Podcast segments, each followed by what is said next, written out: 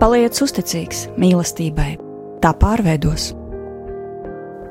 Jēzus saka, mīliet cits citu.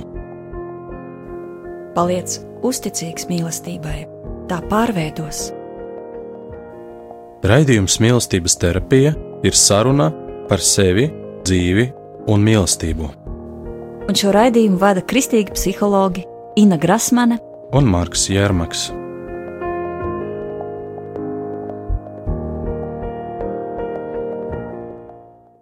Labvakar, mīļie radio klausītāji! Mīlestības māja atkal šovakar ar jums kopā. Uz sarunu par bērnu audzināšanu jūs aicina Ina Grasmane, psiholoģe, mīlestības pedagoģijas autore, mīlestības mājas kā projekta dibinātāja un vadītāja un mani mīļie ceļa biedri, kolēģi Guna Ailte, Normons Grasmanis. Guna tā tad ir mūsu bērndārza audzinātāja, kas savu darba dienu pavada dziļi dzīvojot ar bērniem, un Normons kopā ar mani vada šo mīlestības māju un arī pavada dienas palīdzot bērniem dažādās grūtās situācijās, vai īsāk sakot, nesot tēva līniju mūsu mājām. Un šodienas temats ir, es pat teiktu, kutelīgs, jo mēs gribam parunāt ar jums šovakar par disciplinēšanu. Tas ir tiešām kutelīgs temats, jo ir ārkārtīgi daudz viedokļu par šo tēmu, daudz galējību un daudz jautājumu. Cik daudz to darīt, kā to darīt, kuros brīžos, kurās vietās ir šīs robežas, vai vispār ir vajadzīgas robežas. Varbūt bērnam jāaug tādā brīvā garā, viņš var dabiski attīstīties, darot, ko gribas, un nonākt pats pie patiesības. Ļoti dažādi uzskati par šo tēmu valda sabiedrībā, un uh, cilvēki meklē atbildes uz jautājumu, kā disciplinēt. Sākot no bezierunu paklausības vienā galā līdz visatļautībai otrai. Bet kamēr cilvēki meklē, bērni piesaka un parāda to, kas viņiem ir nepieciešams, un viņi parāda mums to šeit arī ikdienā mūsu mīlestības mājā, ka problēma ir gan vienā galā, gan otrā galā. Ja mēs ierobežojam bērna brīvību, ierobežojam viņa iespēju attīstīties atbilstoši viņa iekšējai būtībai, ja mēs autoritāri apslāpējam bērnu viņa izpausmēs, tad tas nes nopietnas sekas bērna psihiskajai, fiziskajai un garīgajai veselībai.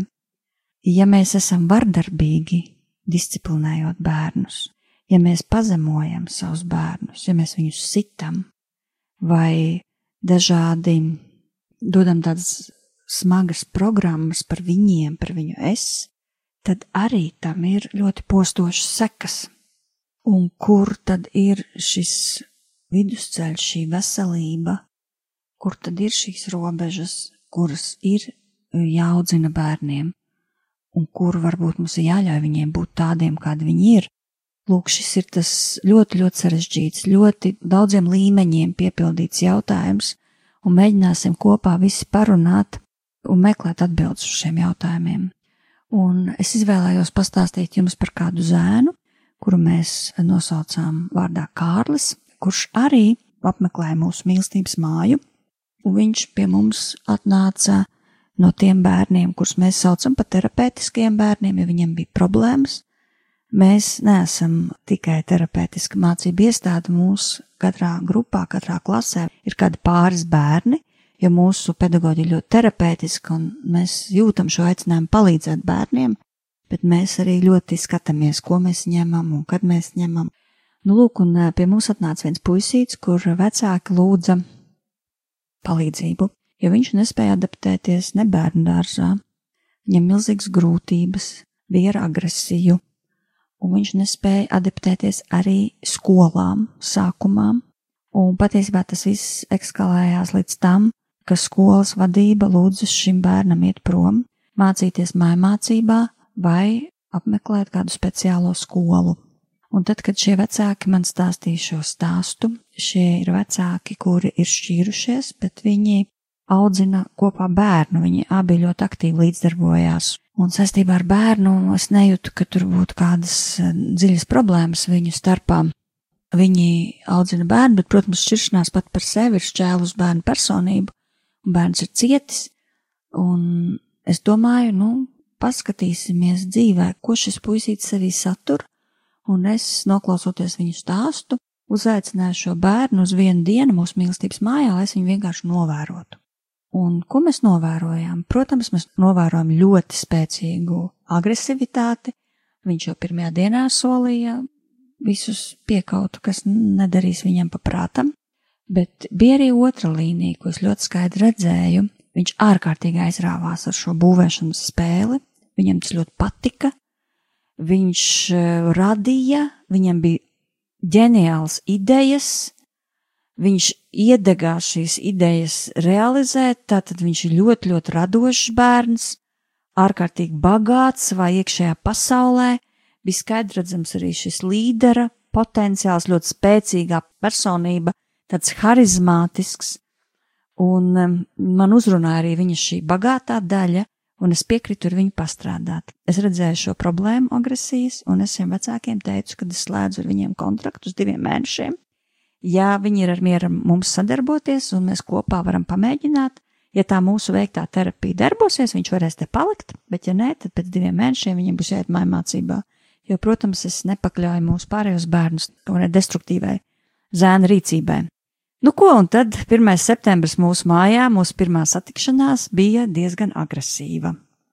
Šis zēns ļoti agresīvi pretojās jebkādam skolotāja lūgumam kaut ko darīt. Viņš ļoti agresīvi pretojās jebkādai darbībai, kur skolotāja aicināja kaut ko darīt kopā. Viņš bija rupšs, viņš konfrontēja ārkārtīgi nežēlīgi, agresīvi, un mums nebija daudz variantu gaidīt otro vai trešo dienu. Mums vajadzēja konfrontēt viņa agresiju jau pirmajā dienā un likt kaut kādas robežas, lai tas nepārvērstos par kaut ko tādu pilnīgi nu, nekontrolējumu.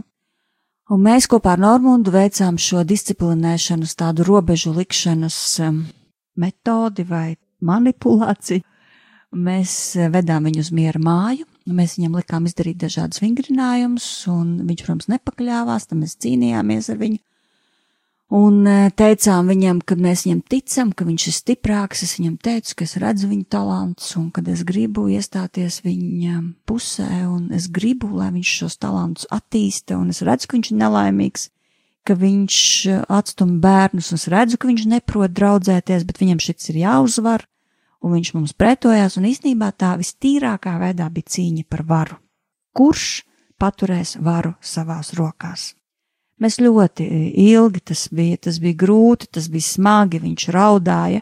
E, tad, kad viņš jūta, ka tā vara jau pāriet mūsu rokās, jo mēs ar Normundu esam vīrietis un sieviete, pieauguši cilvēki, tā īsti viņš mazs bērns, e, viņa, viņš redz, kad viņam slīd no rokām, viņš sāk lādēties, zākāties, viņš izteica drausmīgākos lāstu vārdus, viņš sāk piesaukt dažādus, nu, tumsas spēkus un raidīt mūsu virzienā, Un mēs abi divi vienkārši sadavāmies rokās un lūdzāmies un gaidījām, kā tas viss ekskalēsies tālāk. Gala rezultātā visas šis 1. septembris mums arī bija šis ceļš kopā ar, ar šo zēnu. Mēs panācām savu. Viņš kopā ar mums dejoja, mēs parunājām par dzīvi, dejojot. Mēs panācām, ka viņš izpildīja visus tos uzdevumus, kurus viņš bija noraidījis. Nākošajās dienās bija vēl vairākas šādas uh, robežu un varas pārbaudas cīniņi un sarunas ar vecākiem arī un, un tāda vecāka iesaistīšana visu šajā procesā. Bija kāda ceturtā diena laikam, kad es ienācu šeit mīlestības mājā no rīta, un viņš man sagaidīja. Viņš man apķērās kā mazs bērns. Viņš man teica, ka viņš man ļoti, ļoti mīl. Es biju tik pārsteigta, jo mēs vēl pat nebijām beiguši riktīgi cīnīties cik es saņēmu no viņa šo apstiprinājumu. Paldies! Paldies, ka jums bija tik daudz spēka nākt konfrontēt to, kas man traucē dzīvot, kas man dzīvi padara vienkārši neciešamu, atstumtības piepildītu. Neviens man negrib traucēties, neviens negrib ņemt man ceļojumos, bet jūs man palīdzat. Paldies jums! Un sākās mūsu draudzība. Un šis puisis sāk ļoti, ļoti skaisti attīstīties, un Un ir viņam ļoti spēcīgas puses, un ir, protams, brīži, kad mums mazliet vēl jāpacīnās, bet tas vairs galīgi nav tā, kā tas bija tajās pirmajās dienās. Un, un tas viss jau ir tāds vadāms un kontrolējams, un es ticu, ka vēl mazliet laika, un mums nevajadzēs vairs iet pat šajā miera mājā.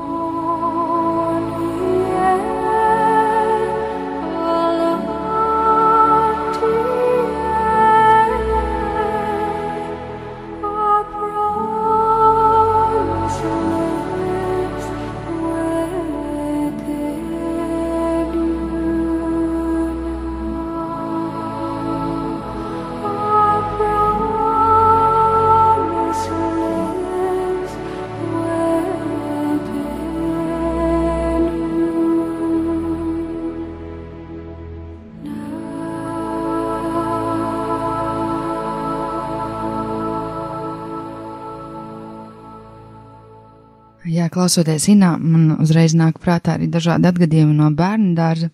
Tur tā cīņa nav tik eh, varbūt ilga un spēcīga, bet um, viņa arī ļoti sākās jau ar uh, pavisam maziem bērniem. Un patiesībā tas tik daudz nav stāsts man šķiet par bērniem kā par vecākiem. Pavisam mazs puisītis uh, ienāca šajā uh, vasarā mūsu bērnu dārzā, un uh, viņa mamma saka, kāpēc viņi ir izvēlējušies uh, tieši šo bērnu dārzu, jo iepriekšējā audzinātājas esot uh, bijušas pārāk autoritāras un likušas darīt eh, viņam to, ko viņas ir iedomājušās. Es klausos viņā un domāju, nu, tā kā pie mums jau mm, arī tomēr šeit ir savi noteikumi, viņai parādīju likumus pie sienas, ir mīlestības likums, sargā savas rokas, kājas un muti, ir paklausības likums, kas saka klausi eh, audzinātāju, kārtības likums, kas mācam savas lietas salikt vietās, klusuma likums, kas nozīmē, ka pie galda mēs sēžam klusiņām un klausamies, ko saka skolotājs, nu ka šeit arī ir savi noteikumi, savi likumi, kuriem visi pakļaujās, un galu galā izbraucot uz ceļa, ja mēs katrs brauksim tur, kur mēs esam iedomājušies, neviens neievēros noteikumus, kas tur notiks tajā satiksmē. Jā, tāds liels juceklis šķiet valdam arī pieaugušo vecāku mammu un tētu prātos, kad viņi domā par um, to, ko ļaut, kur dot brīvību bērnam un kur to ierobežot. Un uh, tas, ko saka mana gan mammas, gan pedagoga sirds, ir jāklausās, kur ir ļoti svarīgi pastāvēt uz to, ko es esmu šobrīd nodomājusi saviem bērniem iemācīt vai likt darīt, un kur viņam ļaut brīvību. Nu, piemēram, piekdienu es skatījos, ka mākslas skolotāja bija iedavusi visiem bērniem vienādus papīrus, un viņi zīmēja Bībeles stāstu. Un uh, tik skaisti, tik dažādi tie darbi, bet skatos, ka viena meitene izvēlēsies tādu pavisam, jā, viņa bija paņēmusi kaut kur dabūjusi plānu papīru, un likās, ah, tas koridors uzreiz tāds Nu, kā tur tas izskatīsies? Visi tās visas lapas vienādas, un tur viena tāda nobružāta un plāna. Bet, ja tā padomā, nu, vai tas ir tiešām būtisks jautājums dzīvē, kā gan izskatīsies tas koridors uz tām pāris dienām no tās vienas lapas, tas taču neko nemaina. Ja viņai gribējās izvēlēties to citādāko papīru, lai tas tā notiek.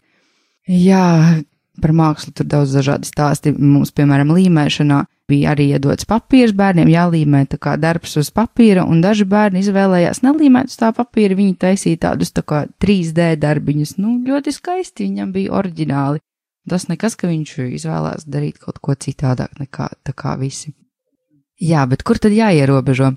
Dažkārt um, vecāki ierodoties pakaļ savam bērnam, kad uh, viņš ierauga mammu vai tēti un uzreiz saka, nē, kāpēc tu esi atnācis, tikai ne to, es vēl gribu paspēlēties, vēl gribu būvēt, rakt.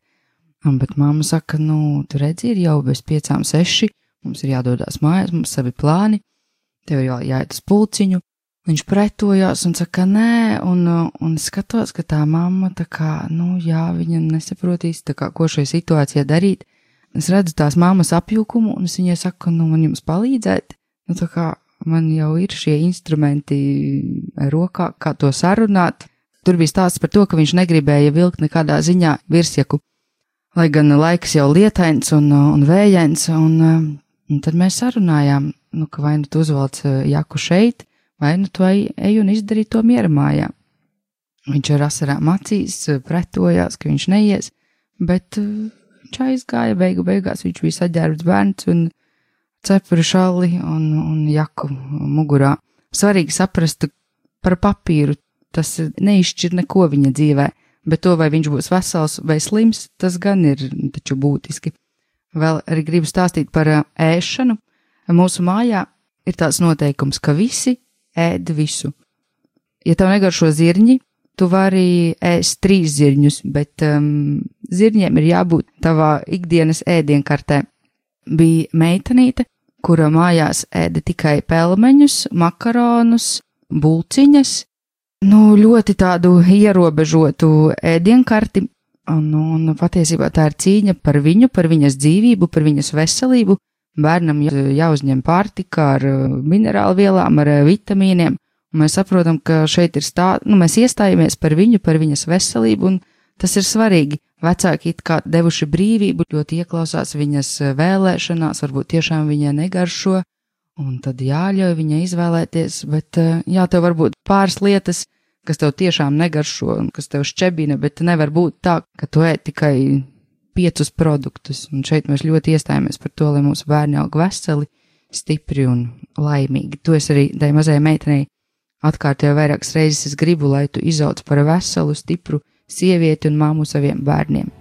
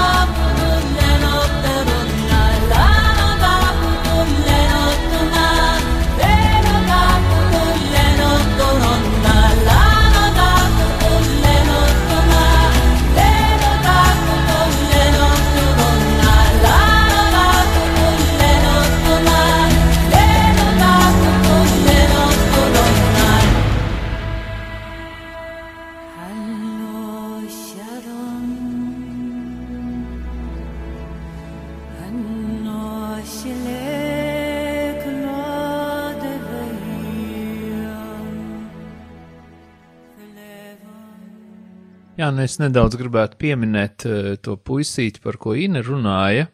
Nu, jā, viņš izteica visādas tādas trakas lietas, par kurām pēc tam runājot jau ar vecākiem, nu, viņi teica, ka vispār tur nekāda sakara, viņi pirmo reizi dzird, ka viņš kaut ko tādu varētu teikt, un ka viņam nav no kurienes zināt tādu kaut kādus dēmonu vārdus un vēl kaut ko.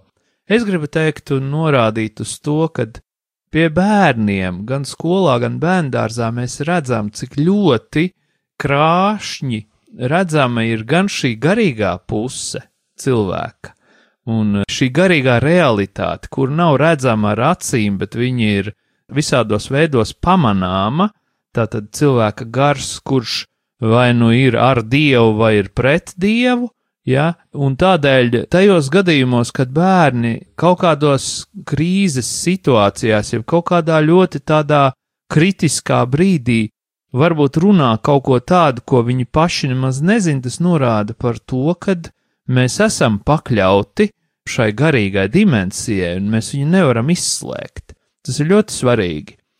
Ko es gribētu runāt par robežām? Mēs, pieaugušie cilvēki, sevišķi pusmūža vecumu, mēs esam auguši kaut kādā pavisam savādākā audzināšanas sistēmā nekā tagad. Tie ir bijuši varbūt pēc padomi laika, jeb padomi laika kaut kādi stereotipi un, un kaut kādi modeļi, pēc kuriem bērnus audzināja. Un skaidrs, ka vecāki, un arī ieskaitot es, nu, mēs esam saskārušies savā bērnībā ar kaut kādām tādām lietām vai tādu audzināšanu, kur mums pašiem nav patikusi, kur nav pieņemama. Un tad ir kārdinājums tam savam bērnam piedāvāt pilnīgi pretējo, censties viņu varbūt pasargāt, censties viņam dot visu to labāko, tajā pašā laikā tas labākais, vai tas, no kā mēs viņu gribam pasargāt, patiesībā ir tāds mūsu ievainojums vai mūsu kaut kāds nepareizais, tāds nevēlēšanās saskarties ar, ar kaut kādām pagātnes aizvainojumiem, ar kaut kādu nepiedošanu. Un tas ir ļoti nepareizi, ja mēs sākam klāt savu negatīvo pieredzi saviem bērniem, jeb cenšamies viņus kaut kādā veidā pasargāt no tā, ar ko mēs paši nesam bijuši apmierināti, vai kas mums traucējis, vai nav paticis. Nu, es domāju, ka uh, mums vajadzētu uz bērnu audzināšanu, vispār uz savu dzīvi skatīties ļoti veselīgā veidā un ņemt vērā to, ka ir šī miesas sadaļa, ir šī gara sadaļa un dvēseles sadaļa, ir emocijas un jūtas, kas ir pielīdzināmas arī mūsu miesai. Mums ir jācenšas dzīvot līdzsvarā. Tātad robežas ir uh, robežu apzināšanās, saprašana, kur es beidzos un kur sākas otrs cilvēks, ir veselības pazīme. Psihiski vesels cilvēks, viņš saprot robežas. Un tādēļ, ja mēs gribam vesels bērnus, mums robežas ir jāaudzina. Ir jāsaprot tikai kā. Un, lai pareizi disciplinētu bērnus, mums varbūt vajadzētu iemācīties vienkārši dažus likumus. Viens likums ir vienmēr atdalīt bērna nodarījumu vai to ķermeņa daļu, kas dara kaut ko sliktu no viņa paša. Tad mēs nesakām bērnam, ak, tu kauslis, tu atkal atnāc te visus piekaut. Mēs sakām, ko dara tavas rokas, ko dara tavas kājas, vai tu to pamanīji, vai tu dzirdi, ko runā tava mute. Vai es redzu, kad atkal tev ir apciemojis tas spītelis, kurš tūlīt tev traucēs mācīties, tu esi stiprāks, tātad mēs bērna, viņa es orgānam, pašapziņas orgānam, kas ir vissvētākais, visjūtīgākais, vissvarīgākais orgāns cilvēka dzīvē, dvēseles orgāns, tas ir, mēs viņam sakam, tu esi stiprs, tu vari. Mēs sakam apstiprinošus vārdus. Savukārt, tai ķermeņa daļai mēs sakam, ka tu esi stiprāks un tu to vari savaldīt. Otra svarīga lieta ir ritms, ka bērns um, skaidri savā ikdienā zina, kāda lieta, kādi notikumi seko nākošajiem par piemēru stāstīt savus bērnus uh, vakarā. Dažkārt, ja mēs esam ciemojušies, vai jau ir ieilgusi tā vakara būšana kaut kur citur vai pie mums mājās, es viņiem saku, ziniet, šodien mēs varam netīrīt zobus. Šodien ir vēls vakars, un viņi ir tik priecīgi, ka, nu, taču tas ir jādara vienmēr, un šodien es to atļauju nedarīt. Bet patiesībā ar to es izjaucu viņu ikdienas ritmu. Mēs aizējam rezultātā daudz vēlāk uh, gulēt, nekā ja mēs tos zobus būtu iztīrījuši un tas eh, attiecas uz visu dienu, ka bērns eh, atnākot uz skolu, atnākot uz bērnu dārzu, vai ja tās ir brīvdienas, ka tomēr ir kaut kādas lietas, kuras nekad nemainās.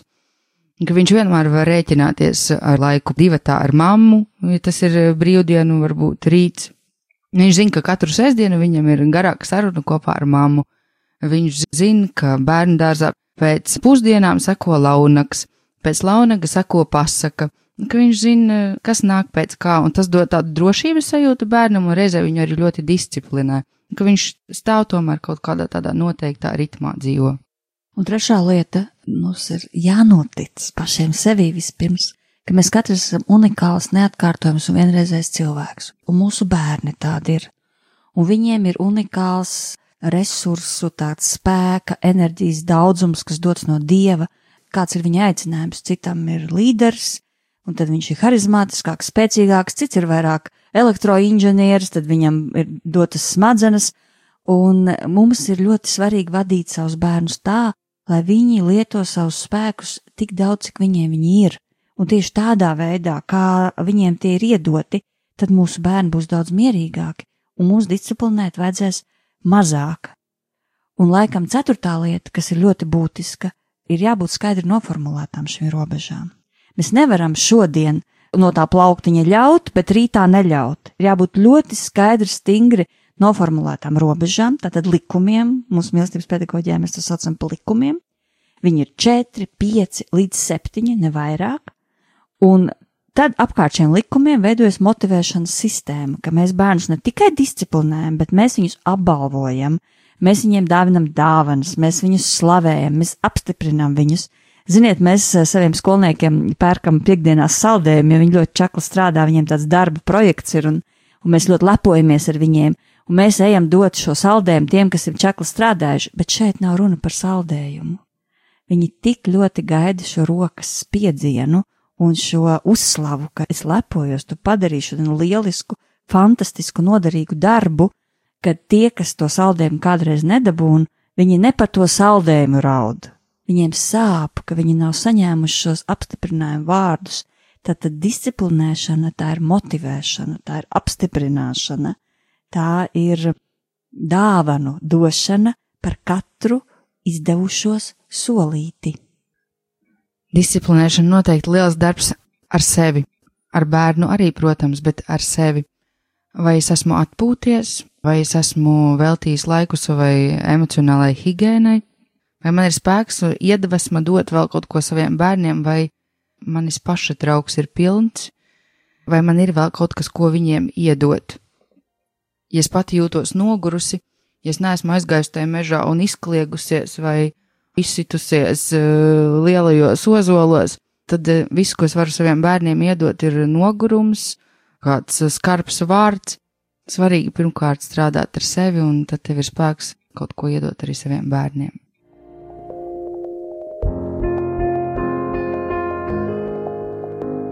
Kā vienmēr, noslēdzot šo sarunu, atvērsim savus sirdis, lai Dieva gars nāk mūsos, svētī mūs, atklāja patiesību mums pašiem par sevi un dziedina. Mīļais debesu Tēvs, mēs lūdzam no Tevis, dod mums tikumus, dod mums mīlestības tikumu, dod mums ticības tikumu, dod mums, Kungs, spēju uzticēties, pazemības tikumu dod. Dod mums, Kungs, dāvanu pieņemt otru cilvēku tā, kā tu to esi pieņēmis. Kungs, mēs lūdzam no tevis žēlastību būt līdzcietīgiem. Mēs lūdzam, Kungs, no tevis žēlastību pieņemt vienam otru, Kungs.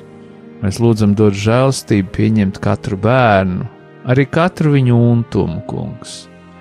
Mēs lūdzam, dziedini mūsu sirdis, dziedini mūsu emocijas, dziedini mūsu jūtas, lai mēs spējam kļūt veseli, lai mēs spējam kļūt pilnvērtīgi, lai mēs spējam būt dodoši, lai mēs spējam celt, nevis gremdēt.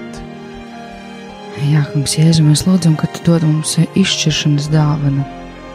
Mēs saprotam, kur jādod vaļa bērnam, viņa gribai, kur tā jāierobežo, kur jāmāc viņam par labo un slikto.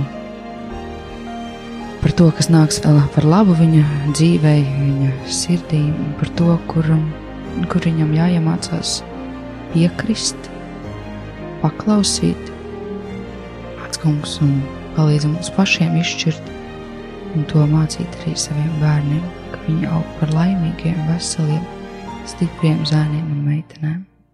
To visu mēs lūdzam Dieva tēva, dēla un svētā gara vārdā. Amen! Jūs klausījāties raidījumu Mīlestības terapija. Raidījuma ieraksti pieejami internetā mīlestības māja.clv un tavā sirds.com.